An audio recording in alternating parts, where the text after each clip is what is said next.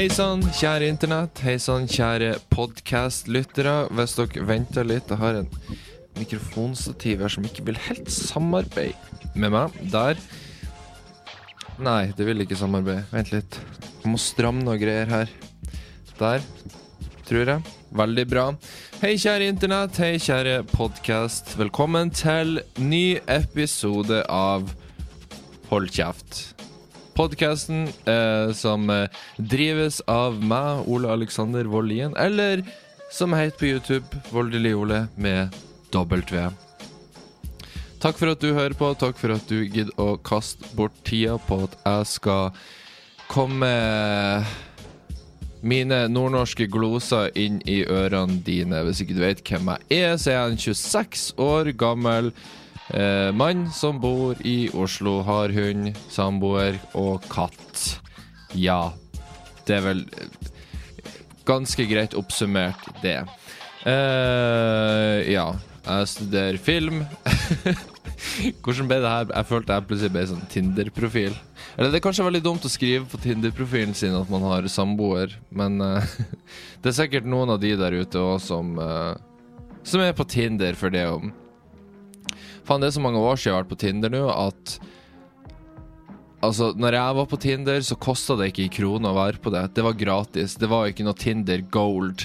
Det var ikke noe fancy shit der. Der var det å bare scrolle gjennom og swipe høyre eller venstre. Uh, når jeg tenker meg om, så tror jeg jeg hadde altfor mange timer i den appen den tida jeg var singel.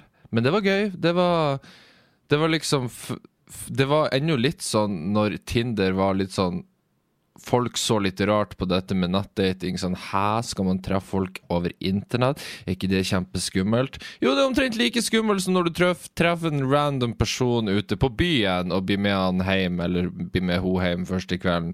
Det er omtrent like skummelt som det. Um, nå i dag så er det på en måte Tinder det er jo blitt sånn mainstream. Alle bruker det. Alle Ja. Jeg skal ikke si alle bruker det, men det er betraktelig flere som bruker det. Når jeg bodde oppe på Fausken, når jeg har brukt Tinder, så var det Altså, da måtte du strekke det ut til 100 km for i det hele tatt få inn noen matcher som ikke var slekt. Det var en forferdelig stereotypisk vitsen jeg tenker meg om. Uh, jeg husker Jeg la ut en video for uh, typ to uker siden der jeg tok og leste opp jodlene.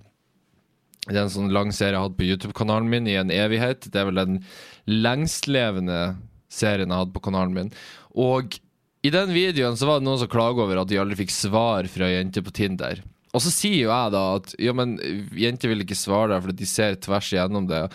Uh, at du bare vil stikke tissen din i musa hennes, istedenfor at du faktisk prøver å føre en normal samtale. For det er ingen som gidder å svare hvis du bare skriver liksom Hei, hadde en fin dag? Spørsmålstegn. Fordi at Du kan ta deg faen på at hun får jo minst Minst 20 sånne meldinger om dagen. Det er greit, du er ensom, du har lite game, men det gjelder ikke jenter. De kan velge og vrake i det aller meste, og da, da, da holder det ikke at du skriver 'Hei, jeg hadde en fin dag'. Fordi at uh, Hun har sikkert hatt en fin dag, men hun er ikke interessert i å fortelle deg det. Hvorfor i alle dager skulle hun fortelle deg det?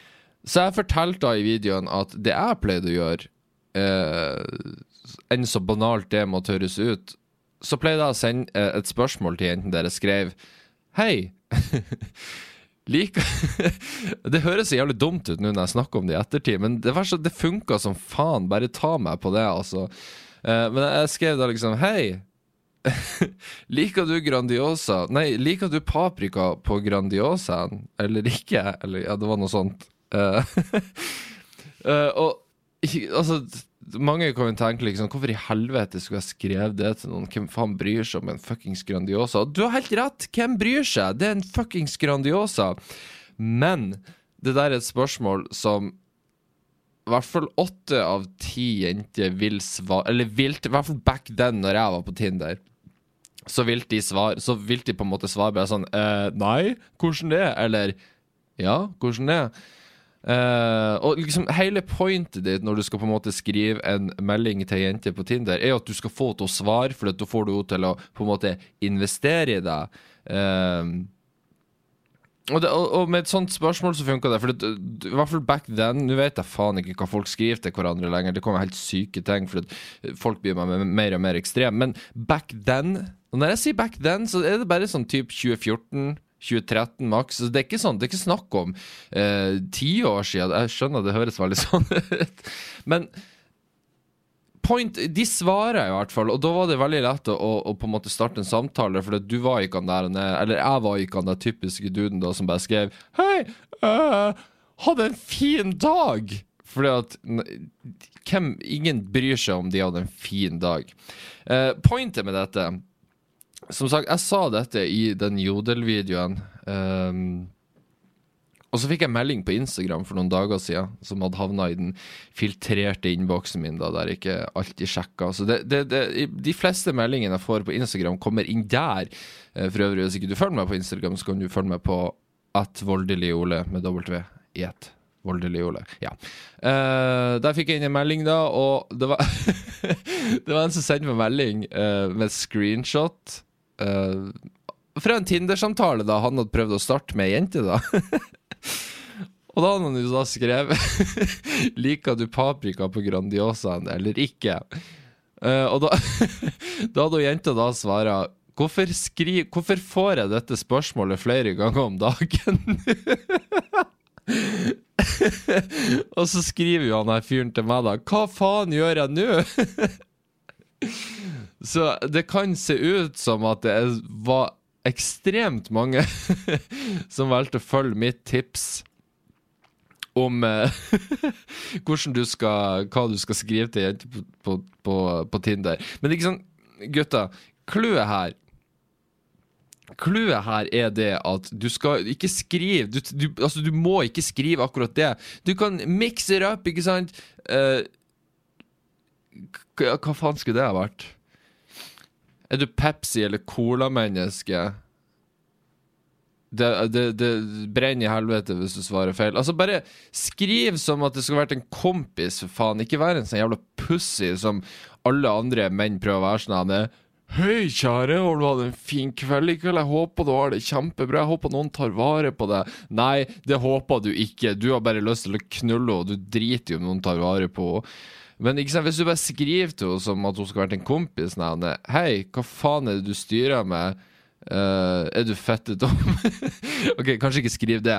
Men, men ja. Hvorfor, hvorfor, sitter jeg egentlig her og snakker som at jeg er en fuckings datingekspert? Jeg er jo ikke det. Ikke i det hele tatt.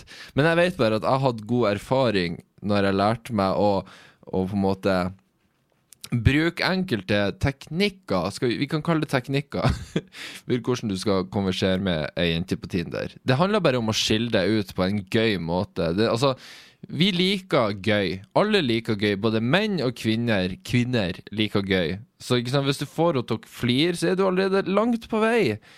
Ikke med en sånn her uh, Knock, knock, who's there? Ikke, ikke sånne vitser.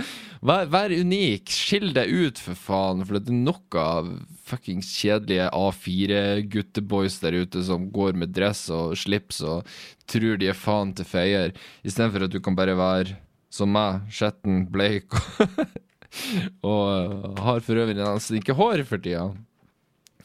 Uh, ja. Grunnen for at jeg ikke har hår, uh, for dere som følger meg på YouTube, så jeg har lagt ut en video der jeg går gjennom hvorfor jeg ikke har så mye hår lenger. Det var et, en, en, en, idé jeg fikk med ei som jeg går i klasse med på Nordhoff, Der var sånn ja, kanskje vi skal lage en video der du klipper meg på fylla, sånn dritings, fordi at du er frisør, og jeg er YouTuber. Vi må jo matche dette sammen. Så det ble en veldig gøy video. Jeg har dessverre ikke tort å prate med United Screens etter dette, fordi jeg har litt angst for at jeg har rota for mye på kontoret deres. Jeg beklager hvis det, hvis det var et helvete etter meg. Det var ikke meninga. Det ble bare veldig mye alkohol. For greia var det at jeg fikk lov til å bruke kontoret deres til å filme dette, for der har de et veldig fint rom der man kan filme sånne ting i. Så uh, ja, det, det, ble en fuktig kveld, uten tvil. Men, men eh, håret mitt kunne blitt verre. Eh, Har du ikke sett videoen, se den. Den ligger på YouTube-kanalen min. Jeg er veldig fornøyd med den. Jeg tror det er noe av det artigste jeg har klart å ha lagt ut på denne YouTube-kanalen. Det ble liksom Det ble akkurat så bra som jeg hadde forventa at det skulle bli, pluss litt bedre. Uh, og det aller meste som skjedde, ble filma. Eller jeg tror alt som, alt som skjedde av sånne fylleting, kom på video. Så det var fin video. Jeg var veldig, veldig fornøyd med den. Åh. Og vet du hva, denne uka nå så begynner vi på Noroff med innspillinga til kortfilmen Heisen. I morgen så skal vi ha prøvefilming. Eh, skuespillerne kommer òg. Vi skal gå litt gjennom manuset, og da når jeg sier morgen nå, i morgen så mener jeg da tirsdag, dagen denne podkasten kommer ut. Eh, men på onsdag så blir det da Da begynner vi innspillinga for real. Og jeg er overraskende lite stressa for dette. Men det er fordi at jeg har delegert ut såpass mye ansvar til de andre nå at jeg på en måte bare satt meg tilbake og bare Jeg tenker bare OK, nå er det, det, det er opp til dere. Jeg har gjort mitt. Dere må fikse fiks ting. Jeg, jeg, jeg har gjort mitt nå. Nå vil jeg bare lage filmen og bli ferdig med det. Og når vi er ferdig å filme denne filmen, eh, når vi har levert inn utstyret tilbake igjen på fredag, altså filmutstyr og alt sånt der. så skal jeg faen meg Jeg skal fære hjem da, og så skal jeg runke hele dagen. Jeg skal faen meg runke og sprute overalt. Jeg skal faen meg kose meg så mye som jeg aldri har gjort før. Fordi at de, den siste måneden har bare Jeg har gått i en sånn angsttåke de luxe for at bare alt skal gå til helvete. Og hvis denne filminga går bra, noe som jeg har Jeg har på følelsen at det blir å gå bra, det får dere høre neste uke. Hvis alt går bra, så er det kjempebra, og da skal jeg faen meg Jeg vet ikke, jeg tror jeg skal skrike litt òg, bare fordi at Åh, ferdig! Liksom. Jeg hadde ingen anelse om at kom, jeg kom til å bli så stressa over det her, men jeg er sinnssykt stressa. Og så er det liksom Når vi i tillegg har to veldig flinke skuespillere òg, så er det liksom Jeg vil jo at det skal bli bra for deres del òg. Jeg vil jo at de skal se bra ut. Jeg vil jo at de skal føle at de er med i en bra film. Og jeg vil jo at min film skal bli bra, for det her skal jo også vises frem for klassen i november. Pluss at vi har også Vi er fem stykker i vår gruppe på film, eh, på film altså på film, filmdelen. Men så har vi jo to stykker fra grafisk eh, som jobber med grafikk og sånt, som skal gjøre sin del. Og så har vi eh, tre eller fire stykker fra LMP, altså lyd- og musikkproduksjon, som skal gjøre sin del. De skal gjøre lydarbeid i filmen. Så det er liksom det, det er en mye større produksjon enn det jeg har på YouTube-kanalen min. Si, altså På YouTube-kanalen min så er det jo bare meg, telefonen min og en sånn her lite selfie-stativ som jeg plasserer telefonen i, og så filmer jeg. Det er veldig simpelt, og det er det jeg, det er jeg veldig glad for. Men uh, Så det er noe annet å skal på en måte kjøre en hel sånn ordentlig, ordentlig produksjon. Så, men det, det, er en, det er en læreprosess. Lær underveis. Kjempebra. Ha, ha, halleluja, alt det der. Ah. Og denne uka så går jeg gjennom sånn Jeg tror jeg gjør det hver gang jeg stresser, men det går inn i en sånn Og det høres stygt ut når jeg sier det, men jeg går inn i en sånn 22. juli-boble. det høres egentlig sykt ut når jeg sier det. Men jeg vet ikke, er det noen av dere andre som får det? det sånn, jeg tror det er sånn ca. én gang i året så får jeg det sånn der jeg har en sånn uke der, jeg, der YouTube begynner å foreslå opp sånne nyhets... Uh, reportasjer fra 22. juli osv. Og, så og så sitter jeg og ser på det og bare jeg skal ikke si mimra, for jeg mimra jo ikke tilbake til den eh, dagen. Uh, men det var bare så jævlig grusomt. Og så blir jeg så fascinert av det. Og så blir jeg sittende og se på det og lese igjen og se alle dokumentarer som blir laga. Jeg har jo sett eh, Netflix sin 22nd July-film som er regissert av Paul Greengrass. Som for øvrig jeg også er med i, i bakgrunnen i enkelte scener. Jeg var, og, jeg var mer med i den filmen enn jeg trodde jeg skulle være. Uh, det var for så vidt en OK film. Jeg følte det var litt sånn uh, tragedieporno. Sånn La oss se kule vinkler av uh, gjerningsmann som sprenger rundt på Utøya og gjør uh, dårlige ting.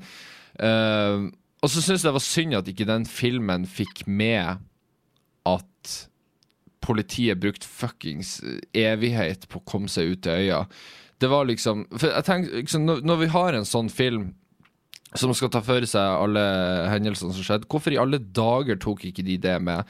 Hvorfor ikke Altså, det er masse å lage dramatikk ut av her. Bare det faktum at politiet faen ikke kom seg ut på den øya.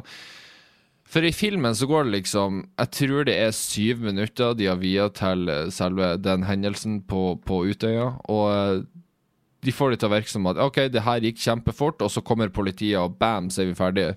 Men det var jo ikke det som var realiteten i det hele tatt. Som er en fucking skandale som blir å hjemsøke politiet for alltid. Håper jeg. Men det er viktig. Man, man må lære av sånt, tenker jeg. Og det, i ettertid også, for filmen bruker jo ca. 30% på selve hendelsene, og resten av filmen dedikeres til liksom et, etter, etter tragedien, da. Og heller ikke der. Det blir vel nevnt i en og annen setning at politiet bruker lang tid av Stoltenberg i filmen, men that's pretty much it. Sammen så fikk de ikke med Rosetoget. De fikk, det var mange ting jeg tenkte de kunne tatt med. Um, som på en måte aldri ble uh, lagt vekt på. Som, jeg, så i hvert fall for min del, som utgjør store deler av hele denne 22. juli-tragedien, var jo Blant annet dette med rosetoget osv. Men, men uh, alt i alt en, en OK film. Den var Jeg skjønner ikke med tanke på at ikke de hadde med noen av de tingene blant annet jeg har snakket om, jeg skjønner ikke hvorfor den filmen skulle være to timer og 20 minutter lang. Jeg fatter det ikke. De kunne i hvert fall ha skeiva av minst 20 minutter av den filmen. Eller, eller, brukt som sagt mer tid på å få fram dette med politiet, hvor jævlig lang tid de brukte ut dit.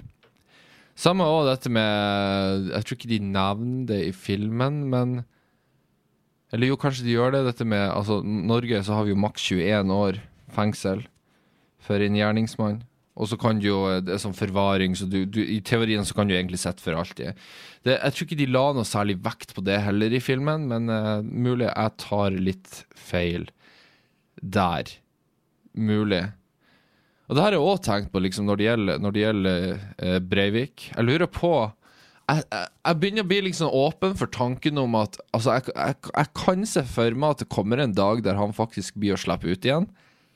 Fordi at vi er så vi, vi, er, vi, er, så naive i dette landet her. Vi er sånn her Altså, hvor, hvor lenge har han sittet inne nå? Sju år.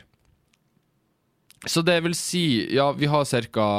13-14 år igjen av hans eh, soningstid, og så skal bedømme, så skal vi liksom finne ut Ok, er han klar til å slippe ut i samfunnet, eller skal han sitte der inne i fem år til? Og så den prosessen da, så Hvert femte år så sjekker de da om ok, kan han komme ut, eller skal vi fortsette å ha han her inne. Og det er sånn hvor mye har vi klart å glemme om 13-14 år?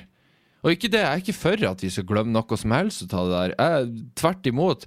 Men vi er så fette naive når det kommer til sånne her ting.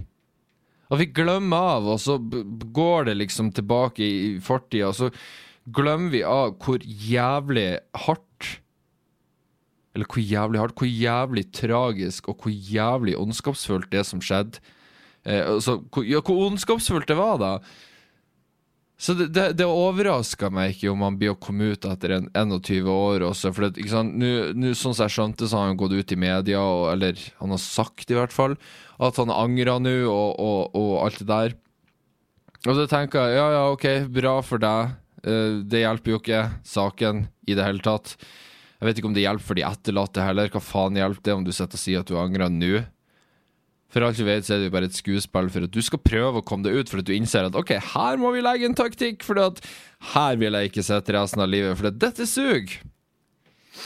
Men hvis han er like gæren som de fremstilte han som i 22nd July-filmen, så er han jo fette gal. Altså Han er mer gal enn jeg trodde han var. Altså selvfølgelig, Du er jo gal i utgangspunktet hvis du klarer å gjennomføre det han klarte å gjøre, men altså, det her er det snakk om altså illusjoner og narsissisme på sitt aller største. Altså. Og det er sånn, Jeg satt og tenkte, liksom Var han virkelig så fette loco? Så høy på seg sjøl, liksom fremstiller seg som Ja ja, for en ære det må være for deg å ha et avhør med Norges største monster siden Quisling. Liksom, han sitter og runker sitt eget ego fordi at wow, for en achievement du har klart. Ja, du er jo en soldat, du står jo opp for deg sjøl. Altså, jeg får litt sånn uh, Egentlig så skiller han seg ikke så mye ut fra dagens uh, mange influensere på sosiale medier som har sånn overblåst ego. Til, til, og med jeg kan til tider ha et oppblåst ego, så jeg skal ikke Jeg skal ikke unnskylde meg der, men, men ja. Altså, kunne han ikke heller han, altså, jeg, Kunne han ikke heller ha fokusert på å, å starte en Instagram-karriere, fordi at med den gjennomføringsevnen han har, så kunne han sikkert ha gjort det. Altså, han klarte jo for faen om, Han klarte jo faen meg å bli en millionær i ung alder. Han var vel en av Norges yngste millionærer på et tidspunkt, hvis jeg ikke husker feil. Uh, I hvert fall mye penger. Gjorde mye. Altså, Han har masse ressurser. Han bruk, bruk det på sosial Bli en influenser, for faen! Ikke, ikke gjør 22. juli, for faen! Det er pointet mitt, ikke sant? En annen ting jeg reagerte på med filmen, var at um, Altså, det, det faktumet at, at, de kun har norske skuespillere som snakker engelsk. Og det, det i seg sjøl er utgangspunktet ikke et problem. Problemet er jo det at, at, nordmenn, i hvert fall de som var med i filmen, ikke alle hadde kjempebra engelsk. Spesielt sånn som Han er inne legen på det sjukehuset. Hva faen var det der for? Han hørtes jo russisk ut. Altså og så har du fulgt altså, ungdommer som sprenger rundt sånn der Run! Run, Viljar! My kids are at Utøya! We have to get them! Let us pass this gate! Det er sånn Hva Nei! For faen! Snakk! Altså, det er to løsninger på dette, og de gikk liksom for ish begge løsningene, bare ikke gjennom, de gjennomførte bare ingen av løsningene, på en måte. Fordi at enten så kunne de bare tatt inn masse amerikanske skuespillere, og så kunne de ha gjort rollene. Uh, hvis de skal det på engelsk, ja, skaff noen som fuckings prater engelsk ordentlig. Eller så lar du skuespillerne snakke norsk. Så de gikk for en mellomting der. Vi har norske skuespillere som prater engelsk. Og jeg skjønner at Ja, men det er viktig at vi får frem norske skuespillere. Ja, men det er ingen Jeg tror den eneste som kommer, følte jeg i hvert fall, som gjorde en kjempegod jobb i filmen var jo faktisk han eh, Anders Danielsen Lie, som spiller da eh, Breivik. Eh, jeg følte han Men jeg, jeg, liker veldig godt han som skuespiller. Han er meget karismatisk person. Har spilla i mange forskjellige roller, og jeg syns alltid han gjør en grei jobb. Og spesielt i denne filmen gjorde han òg en god jobb. Um, jeg lurer litt på hvordan det må ha vært for han å spille inn den dagen. Altså De dagene han måtte spille inn enkelte scener. Altså Hvor jævlig for en ekkel følelse man må, må ha i kroppen. Jeg skal ikke dømme han fordi han tok den rollen. Jeg tenker at Norske skuespillere, du faen meg så lite marked her at man må jo bare ta, ta, takke ja til alt man får mulighet til å være med på. Men uh, ja, nei det, Dere burde sjekke den ut. Uh, interessant film. Spesielt hvis, hvis, ikke du er veldig opplyst rundt 22. juli, sjekk det ut. Jeg tror vi alle trenger å og, og refresh vårt, vårt, minne om denne dagen. Um, og spesielt hvis ikke dere har sett 22, Utøya 22. juli, den norske filmen som er regissert av Erik Poppe, som kom ut tidligere i år, så er det òg en ekstremt sterk film. Altså, den, den, filmen der er bare Vi så den på kino. Jeg mener jeg snakka om den uh, i Oppkast, min forrige podkast med Patrick. Men uh, jeg kan jo nevne det her òg. Vi så jo den på premieren, mener jeg på det var. For jeg var genuint liksom spent på den filmen. For jeg, for jeg, for jeg vet ikke, jeg har Og det er ikke det at, at, at jeg koser, altså at jeg unner meg en tragedie, men jeg syns sånt er interessant. Jeg syns det er interessant å på en måte bare grave så dypt inn i det, på en måte bare prøve å i det hele tatt få en følelse av den ondskapen. Jeg blir jo aldri klar å, å, å på en måte nå det i det hele tatt. Jeg skal ikke sitte og påstå det, men jeg syns det er interessant. Jeg blir fascinert av det. Så jeg var veldig spent på den, og den filmen der traumatiserte meg jo så til de grader. altså, det, det, er um, en av de beste norske filmene jeg har sett, og, men jeg vil ikke, på en måte ikke se den igjen, for det, det var Det var ondskap fra start til slutt. På alle, alle mulige måter. Men en absolutt uh, kjempegod film. Sånn godt filmarbeid på alle mulige måter. Men ja, eh, det, det, som sagt, det her er min sånn 22. juli-periode. Jeg, har- jeg har en sånn periode hvert år. Eh, Det høres jævlig eh, bag, baga, bagatell, bagatellisert ut. Det er ikke det, er ikke det jeg, jeg prøver ikke å tråkke noen på tærne her som at det her bare er en enkel sak. Men grunnen for at jeg går inn i sånn her, er jeg, vet ikke, jeg blir fascinert av det. Og det var bare en sånn monumental historisk event som skjedde her i vårt lille land. Og det syns jeg var fascinerende. Så jeg husker jeg var på jobb da. Den, altså, var, da bodde jeg jo i Nord-Norge. Jeg var på jobb på Skjell da. Altså på Skjell.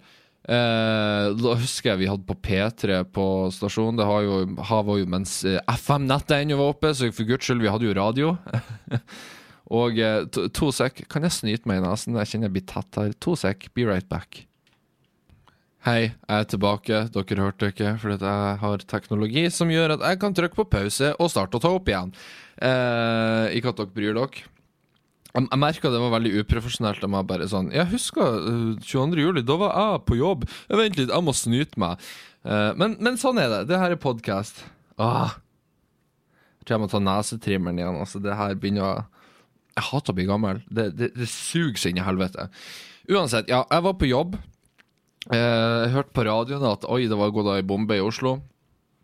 Og det var sånn Det var da jeg jeg tror ikke det, Da gikk det liksom ikke opp for meg alvoret i det, spesielt heller ikke når de liksom begynte å snakke om en skytedesperado på Utøya, så tenkte jeg sånn Ja, OK.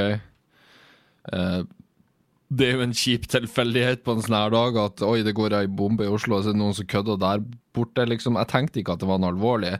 Og jeg tror vi alle kan huske den morgenen 23. juli, når vi alle våkner opp til at de sier at det er over 80 bekrefta omkomne på Utøya, og det er liksom den enorme sjokkbølgen som gikk over hele landet da. Nå nedjusterte jo tallet, heldigvis. Ehm, men ja, la, la meg slutte å Jeg kjenner jeg har gått inn i sånn Asperger-modus nå, når det kommer til denne dagen. Men eh, ja, jeg vet ikke. Jeg syns det er godt å snakke om. Jeg ble så prega av denne dagen, sjøl om at jeg på ingen måte var til stede på, i nærheten der, eller kjente noen som var der. Men eh, det var bare Jeg vet ikke. Det er noe med når det skjer her i landet her, og ikke, i USA. Man klarer liksom ikke Når du hører om skoleskyting, f.eks. i USA man, Altså, man Man klarer jo å, å skjønne at det er en tragedie, men det, det blir så langt unna for det Samme òg når det er krig i Irak, Pakistan Altså hvor enn. Jeg er ikke så oppdatert på de områdene der. Og det, det sier litt. Man, man, det blir så langt unna at man klarer ikke helt å ta det inn over seg. Mens når det skjer her, så blir det på en måte Det blir noe helt annet. Eh, en annen ting eh, som, som jeg har lagt merke til denne uka, det er det at eh, mange forskere, eller faen det er doktorer, whatever, de vil endre BMI-skalaen. BMI-skalaen, altså Body Mass Index. Og det er denne vi bruker for å på en måte kategorisere deg sjøl som overvektig eller ikke. ikke sant? Har du en høy BMI, så sliter du. Den er basert på vekt og høyde og noe piss der. Den er ikke så nøyaktig. Den funka veldig bra når du skal eh, sjekke en hel befolkning. ikke sant? Hva er gjennomsnitts-BMI-en til befolkninga? Ok, da funka den bra. Uh, skal du bruke den på enkeltindivid, så funka den ikke så bra. ikke sant? Du kan uh...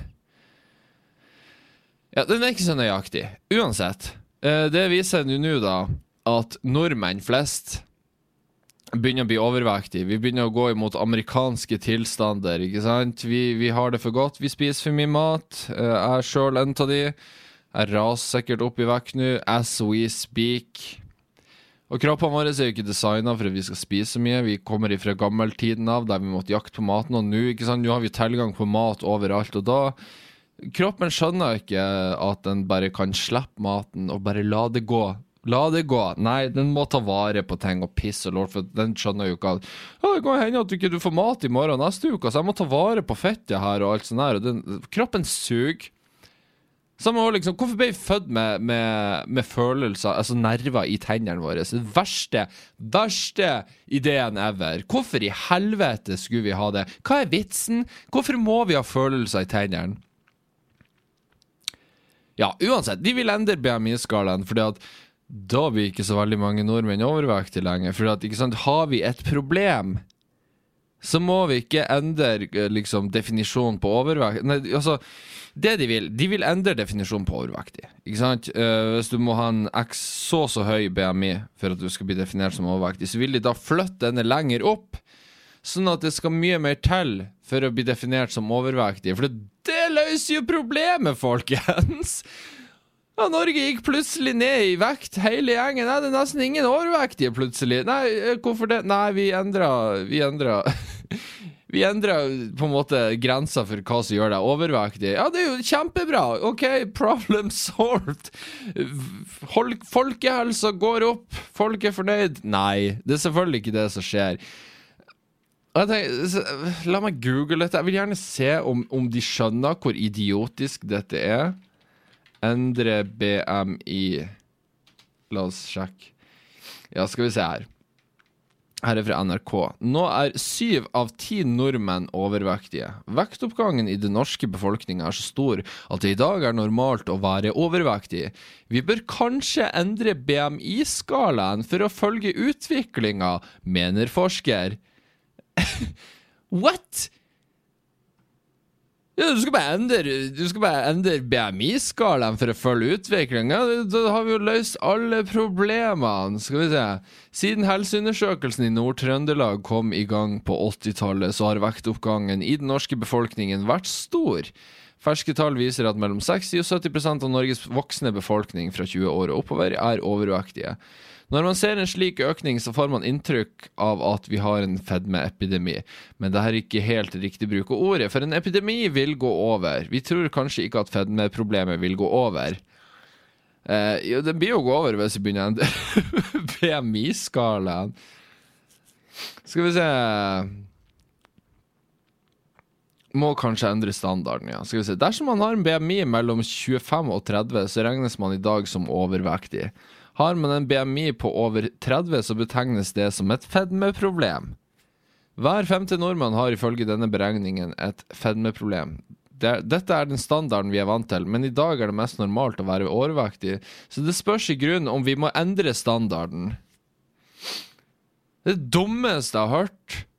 Det samme som at uh, ja, vi har for mye mye drapskriminalitet, uh, mordkriminalitet i Norge. Hva skal vi gjøre? Nei, vi, vi gjør bare mord, drap. Vi gjør det, vi, gjør det, vi legaliserer det, for da, da, da, er det ingen som bryter den loven. Og da har vi jo løst problemet!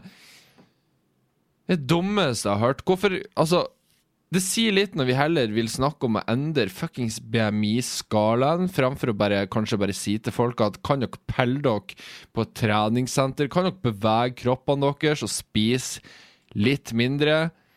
Ikke fordi at vi er kjempegira på at ja, alle må ha seks ruter på magen og se kjempefine ut. Nei, ingen bryr seg, men det handler om din egen helse. Og, og her snakker jeg like mye til dere der ute som jeg snakker til meg sjøl. Fordi at jeg, jeg har vært litt sånn jojo når det kommer til uh, vekt. Jeg har liksom vært nede på, på opp, nede mot 75 kilo. Jeg har også vært oppe på 115 kilo. Herregud, det hørtes jævlig mye ut nå når jeg tenker meg om. Men det har gått veldig sånn gradvis, det er ikke sånn at det Ja. Jeg, trener litt av og på. Uh, jeg sverger på at jeg aldri skulle opp på 115 igjen, og det har jeg ikke vært. Men nå har jeg vel stabilisert meg på rundt 90, og der har jeg vel ligget nå i ca. snart et år. Men ideelt sett så skulle jeg gjerne vært 80 kilo. Kanskje 75 òg, men det er Si 80 kilo, få vekk mye fett og så bare erstatte med litt muskler, så kan jeg holde den vekta der. Kunne òg for så vidt vært 90 kilo, men da skulle det ikke vært pga. fettet, da skulle det vært pga. musklene. ikke sant? Så da må, da må, jeg få vekk fettet og få opp musklene. Uh, nå er jeg 1,85 høy så er jeg jo ikke en lav mann, og så er jeg brei over skuldrene. Så, så, det er klart, jeg, jeg, kan jo ikke for Altså, 70 kilo er jo ikke den ideelle vekta for meg, kan jeg se for meg. Jeg tror ikke jeg kler å være skikkelig mager, for å være helt ærlig.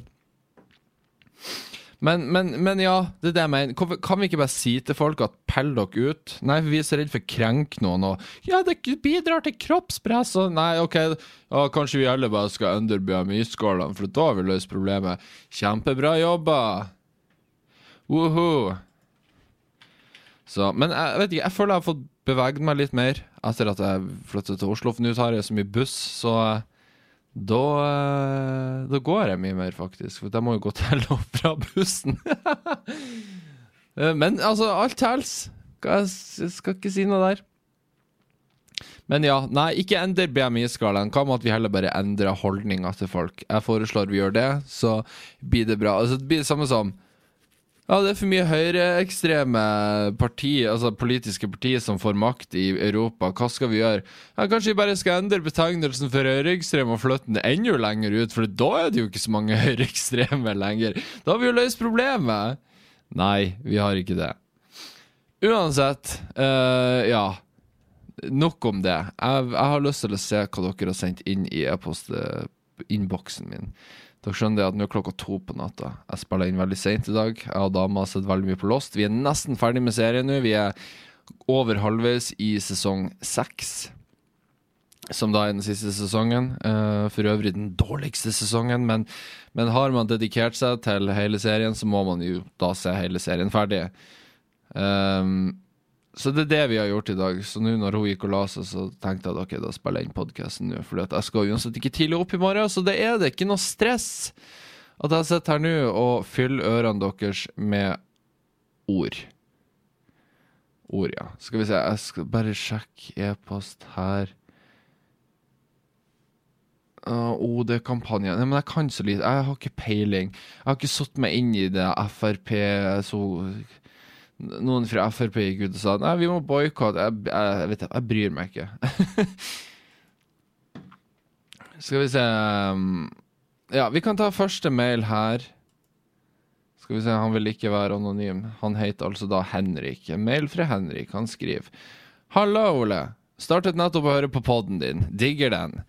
Lurte bare på hva slags studie du går. Bachelor i filmproduksjon, årsstudium. Jeg avslutter bacheloren min i grafisk design til sommeren og har lyst til å fortsette med noe innenfor motion graphics eller filmproduksjon. Eventuelt et studio, studie der jeg kan kombinere begge. Har du noen forslag? Må ikke nødvendigvis være en bachelorgrad. By the way så lagde jeg nettopp en fiktiv film med fokus på motion graphics til en eksamen som jeg leverte på mandag. Hadde vært kult om du sjekket den ut hvis interessert. Legger vi linken nedenfor. Skal vi se, Der er linken. La oss se, hva er det her? Jesus, 15 minutter. Waiting for love. Fictional motion graphics. Short film. Hva er det her? Har du seriøst animert noe, eller hæ? What is this? Oi, her var det noen kunstneriske greier på gang. Mye farger. Mye grading. Uh, jeg skal sjekke den. Jeg, jeg, kan ikke bruke 15 minutter her nå til å se den. Men, men takk, takk, for, takk for uh, gode ord i e-posten din. Takk for uh, film. Jeg skal sjekke den ut. Jeg skal ikke love at jeg sjekker den ut. Jeg blir mest sannsynligvis å sjekke den ut. Men jeg, jeg kan være glømsk. Jeg beklager det. Men det er uansett kult at du driver på med, med, med grafisk. Uh, ja, grafisk design, motion graphics. Det er kult. Det var noe Jeg hadde egentlig veldig lyst til å studere det òg. Sånn 3D-animasjon og sånne ting. Det er sånne ting jeg kunne tenkt meg å lære meg. VFX, ikke sant. Effekter som, som man bruker i dagens filmer. Men det som er tragisk med dagens effekter i film, det er at du vet du har gjort en kjempegod jobb når ingen legger merke til effektene. Så det, det er en veldig utakknemlig jobb sånn sett. Men uh, jeg falt til slutt på uh, uh, filmproduksjon. Det er det jeg studerer, filmproduksjon. dette er altså da et toårig studieløp, og så tar jeg da et tredje år i utlandet, enten i Australia, eller så tar jeg det i Johannesburg i Sør-Afrika. Det er litt sånn Jeg må se an for å få den bacheloren jeg må se an når jeg er ferdig med to år nå. Uh, blir jeg trenger den, eller hvor, jeg, hvor langt jeg er kommet eventuelt på YouTube og alt jeg gjør der? Kan jeg kombinere på en måte erfaring jeg har der, med den utdanninga jeg har tatt? Så det er litt sånn, jeg tar det litt så det kommer. Jeg er veldig åpen for å studere i utlandet òg, men det er liksom samtidig et jævlig stort steg å skal reise til Australia et år. Eller uh, Sør-Afrika, for den saks skyld. Så nå kjenner jo jeg tilfeldigvis noen som har uh, bodd i Sør-Afrika, så jeg har jo alltids folk jeg kan plukke av for å høre deres erfaring med landet osv. Men, uh, men ja. Så det er det jeg gjør.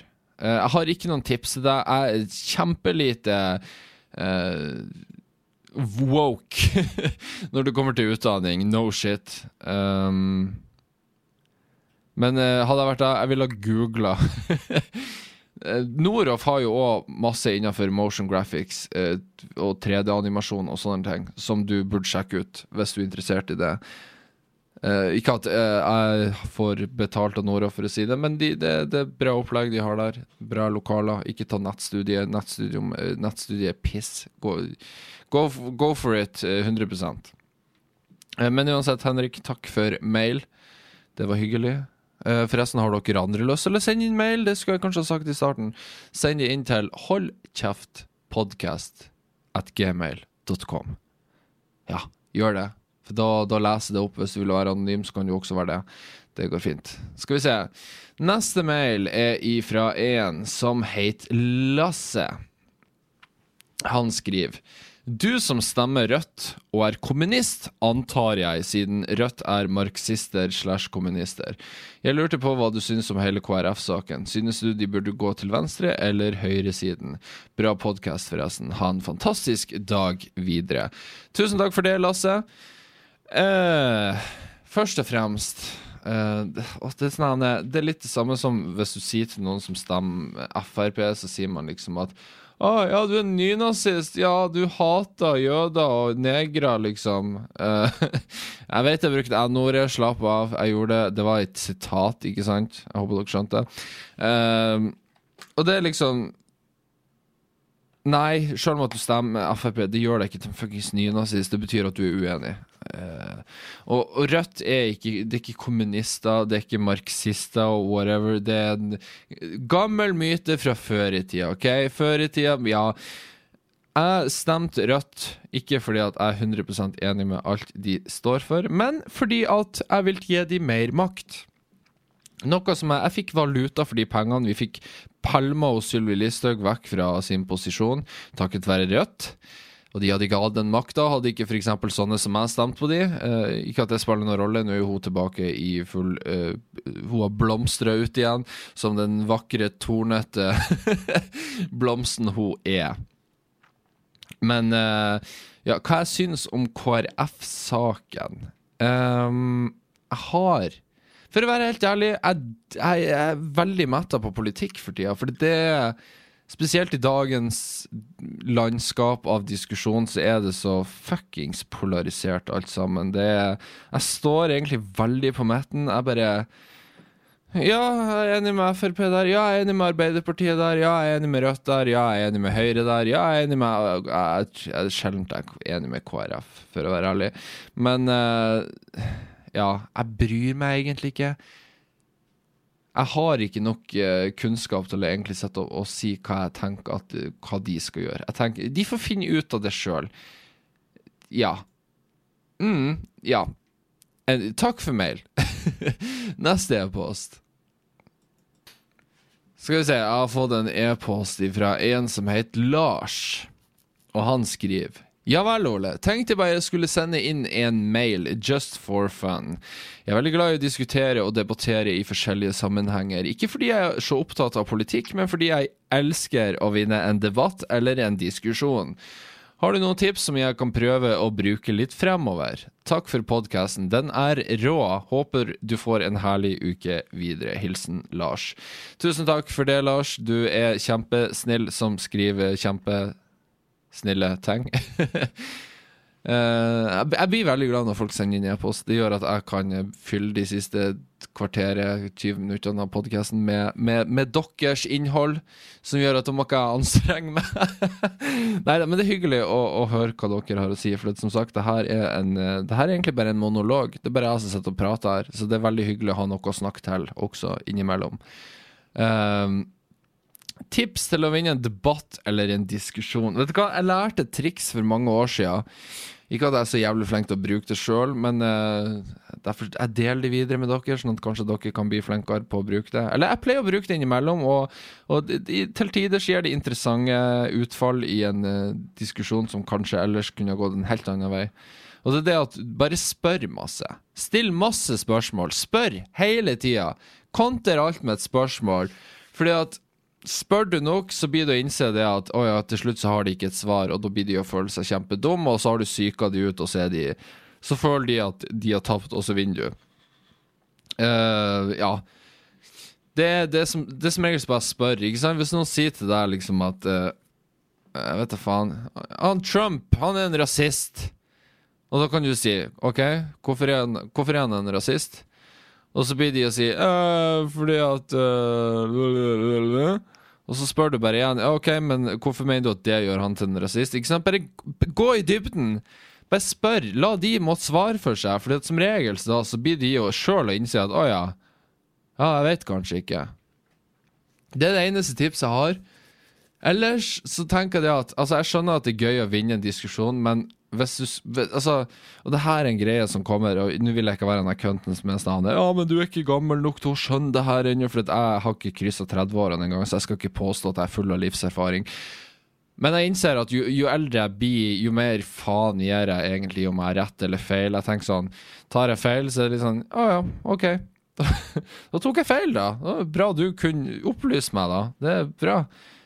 Uh, man, ja, man, man, gir litt mer faen der, så jo fortere du klarer å mestre det òg, så, så, er det også en kjempebra uh, Et bra karaktertrekk å ha over seg tenker jeg. For det, det, var mange år jeg var sta og alltid var sånn 'Jeg skal vinne, jeg skal eie diskusjon, jeg er så fette rå'. Og det er sånn, Nei, ingen syns du er rå, da. Bare ta tapet innimellom. Bare Og, og tro meg, det irriterer Altså, de som vinner eventuelt over deg i en diskusjon, de får mye mer respekt for deg. De blir sånn her Hvis du bare sier 'Å ja, ja, det har du faktisk rett i'. Det hadde jeg ikke tenkt på. Bra. Kult. Da, de, da, da slipper de ned garden sin med en gang også. Det blir de sånn Altså, da kan de gjerne være litt sånn Ja, altså, jeg mente jo ikke sånn, da. Altså, du har jo rett i noe av det du sier òg, altså, men øh, Ikke sant? For at, øh, folk er lett å manipulere. Det er bare å lære seg å manipulere dem, og så har du det rett i din hule hånd. Altså, se på meg. Jeg har manipulert snart 30 000 mennesker til å følge meg på YouTube, så, så med de rette triksene så funka det aller meste. La oss gå over til dette som blir dagens siste e-post. Ja, Ruben, jeg ser du har sendt e-post. Jeg blir ikke å lese nå, for du har skrevet så jævlig mye. La meg, kan ikke sende den inn på nytt til neste uke. Send den inn sånn søndagskveld. Ja, det var vel det du gjorde med denne, faktisk. Ja, send den inn om akkurat én uke, sånn søndagskveld. Så, så kanskje jeg tar den med i neste. For nå Jeg har ikke så god tid i dag. uh, ja. Men uansett, jeg skal lese opp en mail jeg har fått fra en som heter Brage. Brage Bernersen skriver han at han heter. Han skriver Hei, Ole. Jeg vil aldeles ikke være anonym. Fant akkurat podkasten og vil si at den er jævlig bra. Lurer på hva du tenker om dette synet fra Gardermoen jeg så i dag. En brei mann med en brei koffert som dekte til hele den forpulte rulletrappa. Hva synes du om sånne folk, altså de som stenger i rulletrappa? Med vennlig hilsen Brage Bernersen. Uh, Takk for uh, hyggelige ord, Brage Bernersen. Det var snilt. Jeg liker at du liker podkasten min. Det, det varmer uh, mitt bløte hjerte.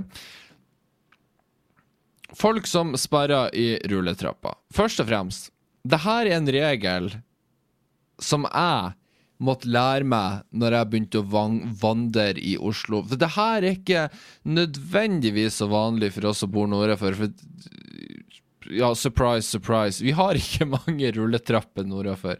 Jo da, vi har det. Men det er ikke like mye folketrykk nordafor. Det er ikke så mange folk som bor innenfor gitt, eh, et gitt areal som det er f.eks. Eh, her i Oslo eller ja, i andre norske storbyer, sånn som Trondheim eller Bergen.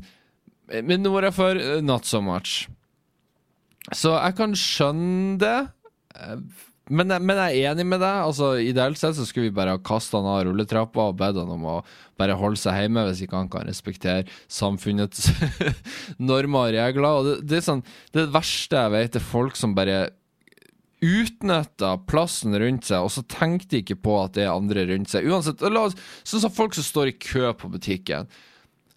Så på en kiosk, ikke sant. Du har ikke masse varer, men du skal ha noe mat ikke sant, når du kommer til disken. Ikke sant? Du skal ha en baguett, en panini, en burger, pølse, whatever. Og så, og så står de der, og så først når de da kommer til kassa, så er det litt sånn Ja, hva faen skal jeg ha? Ja, mm, skal jeg ha en panini? Ja, er det sånn i den? Ja, nei. Du vet hva, jeg tror bare jeg tar en baguett. Og så, så, fortell, så sier personen bak kassa prisen og alt det der. Og så har faen ikke personen funnet fram pengeboka si engang. Det er sånn at, Ja, nei, dæven, jeg må jo finne kortet. Ja, hvor i alle dager har jeg gjort at den er i baklomma der? Nei, tror, har jeg la den i bilen, mon tro? Jeg er faen ikke sikker. Vent, jeg må se inn i pengeboka mi her. Kan hende i lomma innenfor det. Så, ja, come on! Du har stått i kø her i et kvarter. Det er andre som står i kø bak deg. Kunne du ikke ha gjort dette før nå? Er du virkelig så egoistisk at denne tanken ikke slo deg i det hele tatt? At det er andre som også venta, og som er minst like utålmodig som deg? Nei, det var det ikke. Du burde straffes. Fengsel, whatever. Noe må gjøres med deg. Vi må, vi må sette deg på plass, sånn at du skjønner din rolle i samfunnet. Og din rolle i samfunnet er at du betyr ikke en dritt, som de fleste av oss gjør. Ikke gjør. Ja. så, så jeg enig med deg, det, det er irriterende, men, men dessverre det, det, er en av de negative sidene med å bo i et sivilisert land. Det er det vi må lære å leve med hverandre. Og sånn er det. Så enkelt er det bare. Det, det er ikke noe godt svar på det, dessverre. Skal vi se Oi, skal vi se, jeg har fått en uh, annen mail her.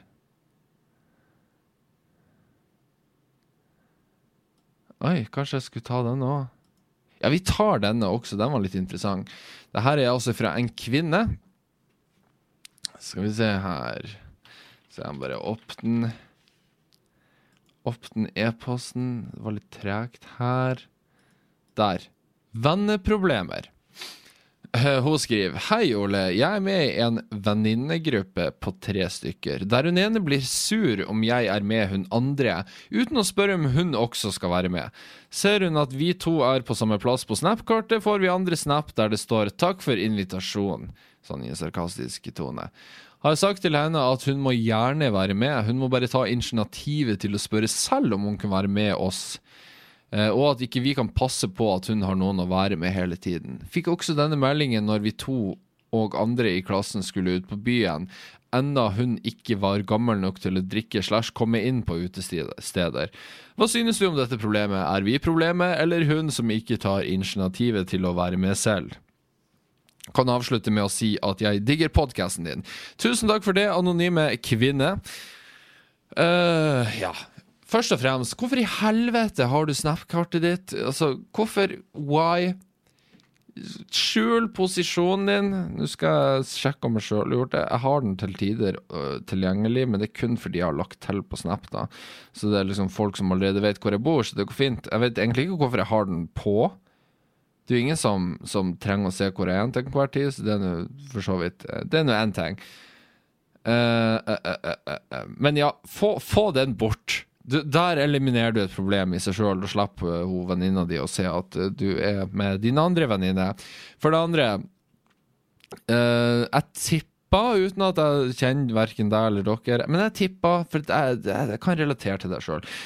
Jeg tipper at dere kanskje ikke er like glad Dere er sikkert glad i henne, men dere er ikke like glad i henne som dere to er i hverandre. på en måte? Dere er bedre venner enn hun tredje.